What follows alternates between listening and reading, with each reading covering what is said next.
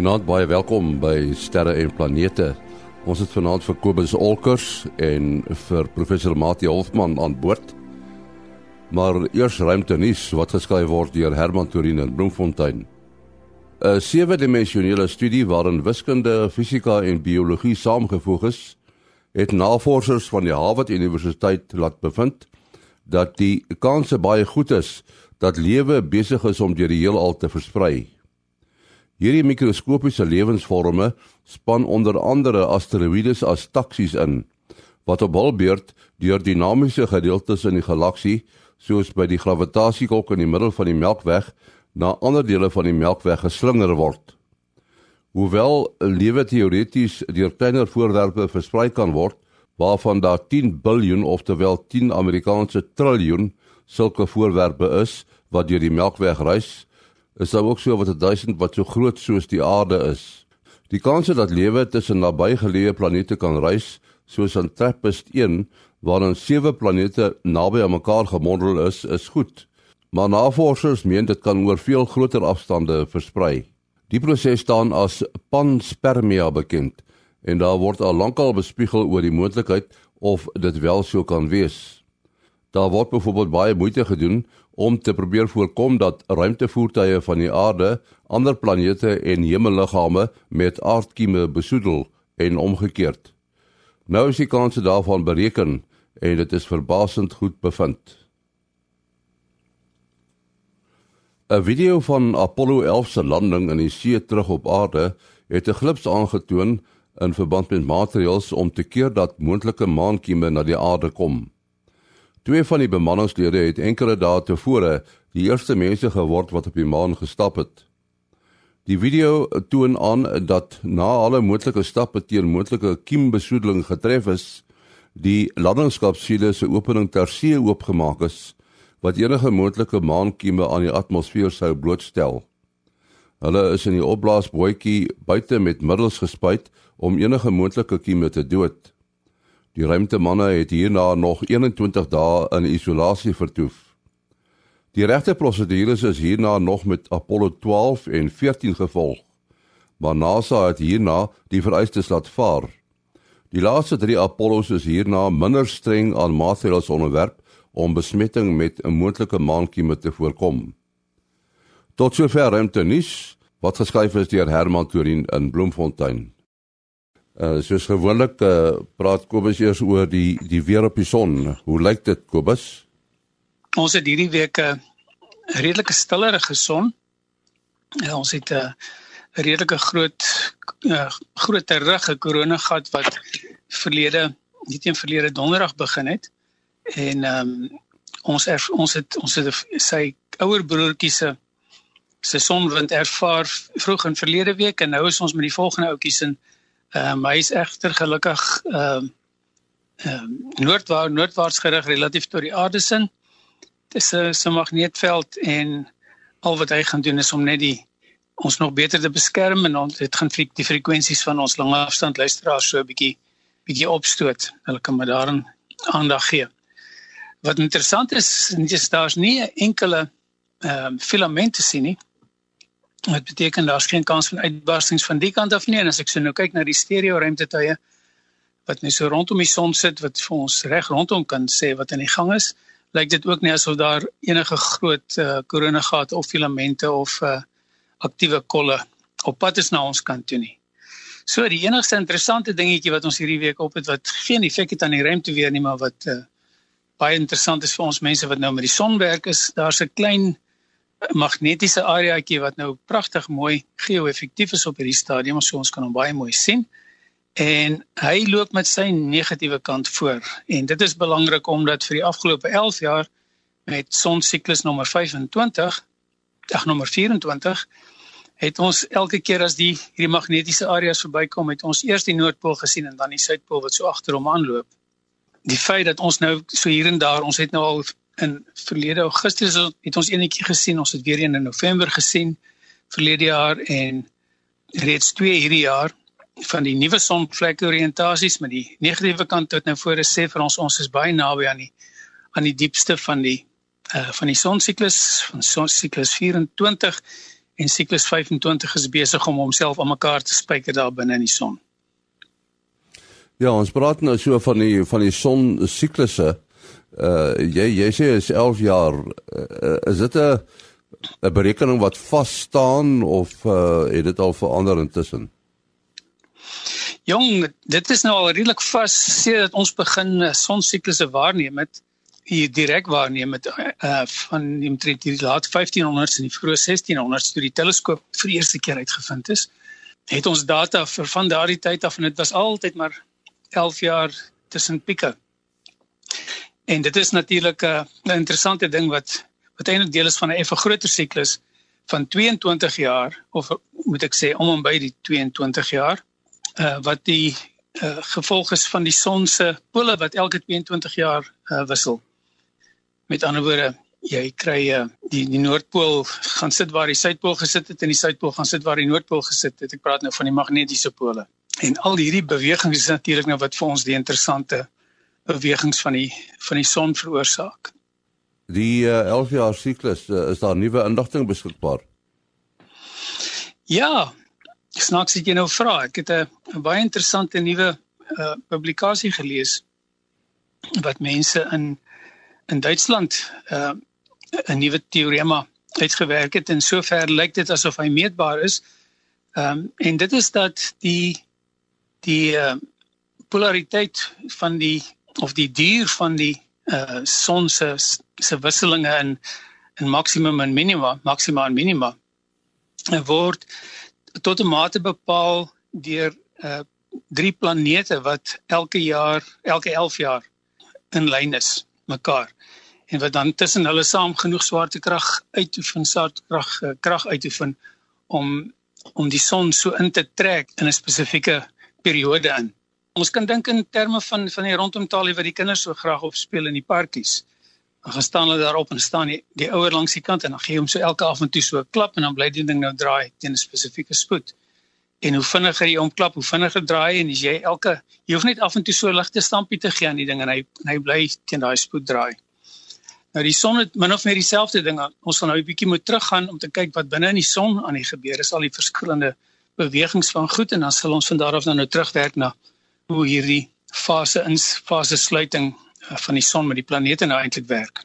Eerstens moet ons besef dat die son het is is sy sy buitenste skil kan 'n mens maar sê. Uh die gedeelte wat ons die konvektiewe uh, sone noem van die son. Dit is 'n gedeelte van die son waar die hele daai hele uh, gedeelte bestaan uit 'n plasma uit. Nou 'n plasma is is materie wat uh by 'n gas verby verwarm is totdat hy sy ehm uh, sy uh, atome begin ioniseer. Met ander woorde, ons sit daar met 'n met 'n klomp los positiewe deeltjies en 'n uh, klomp los negatiewe deeltjies wat daar vloei.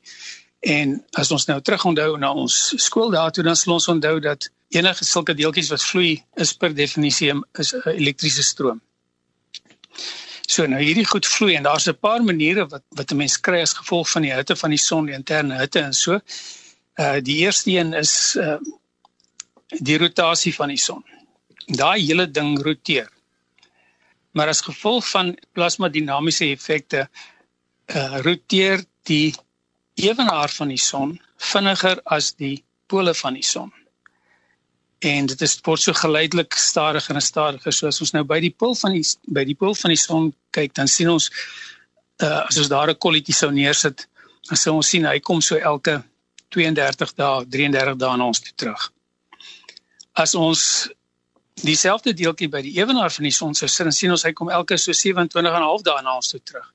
So die die ewenaar beweeg vinniger uh, hy roteer vinniger as die die meer noorde en suide gedeelte. Nou die effek daarvan is is dat die son homself staan en opwen. En dit is die heel eerste effek wat ons kry nou met hierdie is elektriese strome wat vloei en omdat die ewenaar vinniger beweeg, wen die son homself op. Dis is 'n soos 'n kerel wat homself nou staan en, en hy trek aan sy gordel na een kant toe en jy kan jouself heeltemal so opwen as jy nou gaan rubber gemaak sou gewees het dieselfde as wat ons kry soos wat ons tamaletjie maak. As mens nou so 'n groot ring van hierdie tamaletjie materiaal het en jy steek 'n stok daardeur en jy begin dit opwen. Dan sien jy jy daai selfde effek van so 'n spiraal wat wat gemaak word. Nou daardie spiraal trek die magneetvelde wat nou inge, ingeblok is in hierdie plasma en dit tyd dat die magneetveld in plaas van daarvan dat hy nou direk van die noord na die suidpool van die son toe gaan, gaan hy nou eers deur 'n klomp spirale. Dan word die ding raak kompleks. Hierdie hierdie effek noem ons nou die omega effek van die son dinamo. Dan is daar 'n volgende ding wat gebeur en hulle noem dit die alfa effek en nie om dit alfa en omega is nie, maar net omdat die alfa lyk soos 'n dingetjie wat die alfa tekentjie in Grieks lyk soos so so 'n stukkie tou wat jy gevat het en in een knoop ingegee het. En dis presies wat op die son gebeur. En dit is presies as gevolg van hierdie dinamiek van 'n van die volgende dinamiek dat ons dan ehm uh, hierdie knope in die in die lyne begin kry.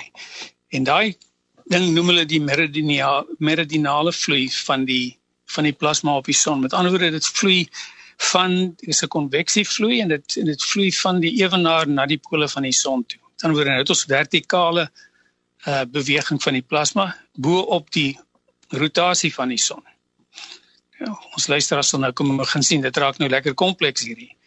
Maar hierdie feit dat die die plasma kom basies uit kan 'n mens maar sê by die ewenaar van die son en dan loop hy nou op na die noordpool toe, die fisiese noordpool en hy gaan af na die fisiese suidpool toe. Dit maak nou knope in hierdie lyntjies.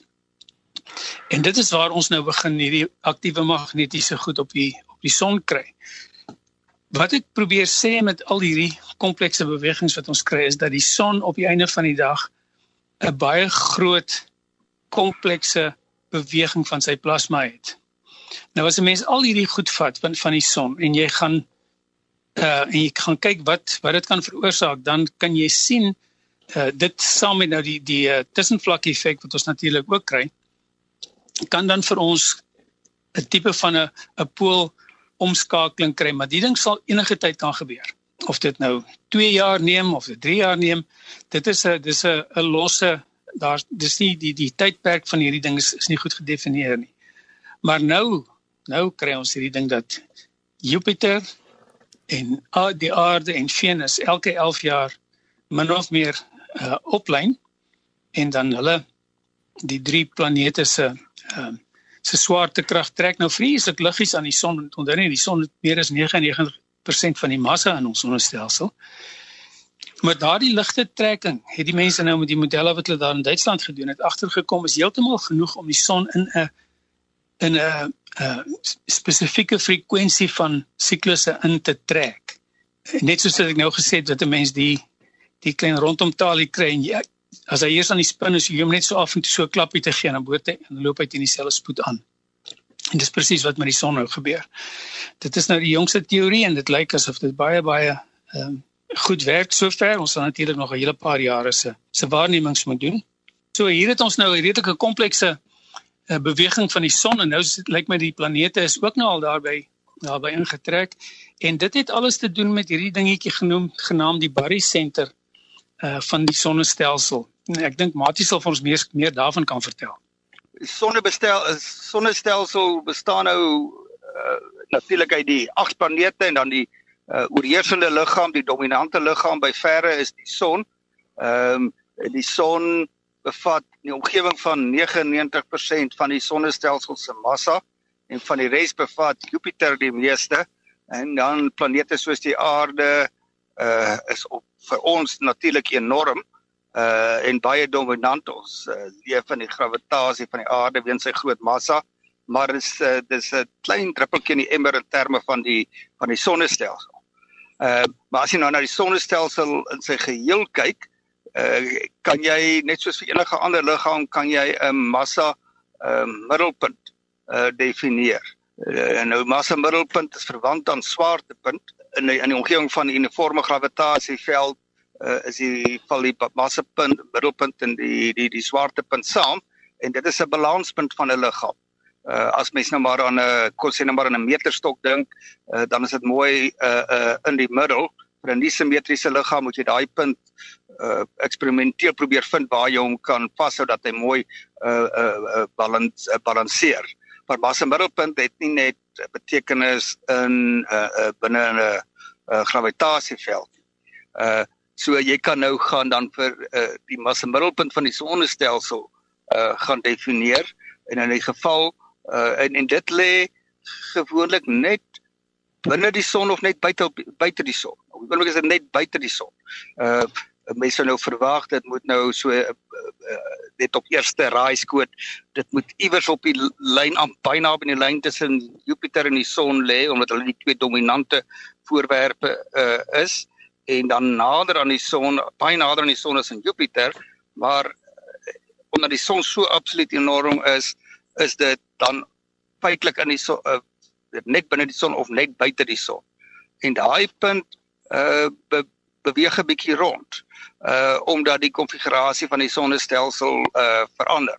Uh byvoorbeeld as al die planete aan een kant van die son is, dan gaan hy bietjie na daai kant toe verskuif en as die grootste planete, sê net maar Jupiter is aan die een kant en die ander gasreuse is aan die ander kant, ehm um, dan gaan hy weer 'n bietjie meer in die son inskuif. Uh maar dit is tog al interessant om te gaan kyk na grafieke wat wys hoe daardie punt beweeg uh oor 'n hele klompie jare. Nou ek is nie seker nie Kobus meer kon sê wat se implikasies dit dalk het vir die dinge wat binne in die son gebeur. Ek is nie seker uh of dit 'n groot effek het op die die uh, dinamiese prosesse in die son waar die barycenter, soos dit in die geval genoem word, uh binne die son is of net buite die son is nie. Ja, kan jy glo dit het is nou al so lank aan die gang en nie soos die Engelse sê die penny het nou net gedrop. dat dit 'n baie groot effek het en vir ons hoogs waarskynlik 'n aanleiding gee tot die 22 en 11 jaar siklus van die son. Nee, ene, ja. Dis baie interessant. Mens 'n bietjie daaroor moet gaan lees. Ek kan nie uh dadelik dink hoekom nie, maar mens kan nou dink die die die die siklus van die son af saam met die beweging binne van die materiaal binne in die son wat aanleiding gee tot die magneetvelde. Die son gaan basies uh, roteer om daai barycenter saam met die res van die sonnestelsel. Nou nie teen 'n baie vinnige tempo nie. Uh so ek kan 'n het 'n breë aanvoeling dat daar 'n effek kan wees, maar hoe groot daai effek moet wees is seker nie maklik om te sê nie. Ja, meter per sekonde ehm um, beweging is al heeltemal genoeg. Hoe groot is daai meters per sekonde? Uh dit is maar net 'n uh, eerste enetjie uh, eerste poging wat die mense in hulle model probeer het en hmm. dit lyk definitief asof dit die die ehm um, is is die leidraad wat ek wat mens vir enigiemand kan gee is dink aan getye. En die oomblik as jy die oomblik as jy daaraan dink dan het jy die dan dan dan, dan maak dit alles sin. Uh die plan die planete nou soos jy sê met die barycenter wat rondbeweeg verander die ehm um, die getye op die son want die son is mos nou heeltemal uh, nie heeltemal solied en op sy buitekant nie.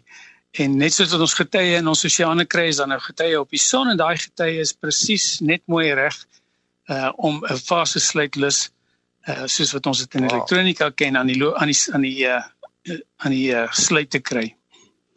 Ja, is verstommend. Is reg. Uh, uh so dis nou 'n nuwe ontdekking sê jy. Ja, nee, dit is die die, die publikasie het 2 weke gelede uh, uh die lig gesien. Ja. Goed, uh Mati Ons moet so ietsie sê oor 'n uh, interessante ontwerp wat uh, ESA weer vorendag gekom het die sogenaamde spacebok. Uh, ons weet nou van uh, hoe die ouens op die maan rondbeweeg en op Mars. Maar uh, die spacebok is nou heeltemal 'n nuwe benadering, né? Ja, dit is nou baie interessant. Hulle uh, mense sou wou hulle moet dit die springbok noem. Maar ek kan dan nou maar sê die space springbok noem want die ontwerp uh, of die konsep is geïnspireer deur Eh, deur 'n paar dinge, maar onder andere die manier hoe springbokke rondbeweeg. En ons ken daardie skouspelagtige beweging wat hulle so hop hop hop uh val as hulle vrolik is. Uh en dan uh die manier hoe die die ruimtemanne op die maan rondbeweeg het. En mense, ek het net maar gedink hulle het sommer so ons sal sê afgeshow, deur so te spring spring spring. Dat jy op die aarde is, dit tog nou nie. Dis baie moeite om so te spring spring. Ons loop of draf dan eerder as om te spring, maar in die geval van die maan waar die uh gravitasiekrag is dit nou 5 of 6 maal uh kleiner as op die aarde, is dit maklik om te spring. En dan uh, kan jy hele entjie beweeg en uh, die konsep van die spacebok is dan om uh, te spring in plaas van om uh, met wiele te ry soos die die huidige uh, robotiese tye Curiosity en uh, dan die die ander wat nou in resente tyd gebruik is is die Spirit en die Opportunity. Uh maar dit is uh, hulle word baie beperk deur uh, deur die terrein. Hulle kan nie op so maklik op ongelyk terrein beweeg waar daar baie klippe of gate is nie. Terwyl as jy nou uh spring dan kan jy oor oor versperrings, klein versperrings kan jy kan jy spring.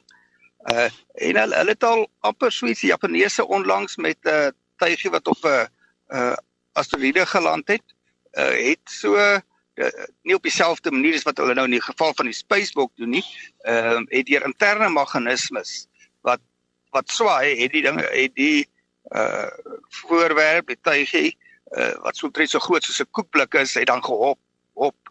In die geval van die spacewalk het hy wel vier pote, so 'n duidelik gedefinieerde onderkant en die die die pote is dan uh, weet bietjie beweegbaar dat dit uh, kan aanpas by die ongelyk terrein. Ehm um, en dan uh, die wat die interessante ding is van hierdie van hierdie konsep dit word gedryf deur 'n klompie nagraadse studente uh van instellings daar in Zurich uh, en die konsep word getoets by een van ESA se uh, uh fasiliteite wat in die uh, in Nederland uh, geleë is. Ek sien die die die leier van die groepie is 'n PhD student. Ehm um, ek dink hy kan nogal trots wees. Hendrik Kolvenbach uh van van die uh, ETH uh, Zurich robotiese uh, stelsels.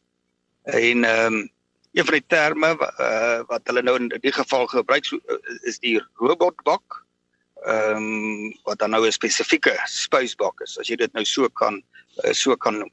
So ek dink ons gaan nog baie van hierdie konsep hoor die uh, en maar dit is dan nou spesifiek met die toepassings van landings op ehm um, kleiner liggame wat die maan kan insluit. En ons weet mos die Amerikaners uh en die Chinese is nou baie gefokus op die maan. En dan uh wat ons nou ook baie van gaan hoor in die volgende uh dekade of so is die Artemis uh projek van die Amerikaners wat nou beide die maan en Mars in gedagte het maar die eerste fokus is die is die maan. Ons moet uh ongelukkig halt roep daar kan ons hoor Mati jou besonderhede? 'n uh, Selfoonnommer 0836257154. 0836257154. En dan Kobus? Ja, dit is uh, kobusolkers@gmail.com. K O B U S O L C K E R S by gmail.com. Ek antwoord uh, gewoonlik nie die die e-pos direk nie. Ek uh, probeer om dit dan die die vrae op die op die program te antwoord en dan my e-posadres maas.henny@gmail.com maas.henny@gmail.com Ons is volgende week weer terug. Tot dan alles van die beste.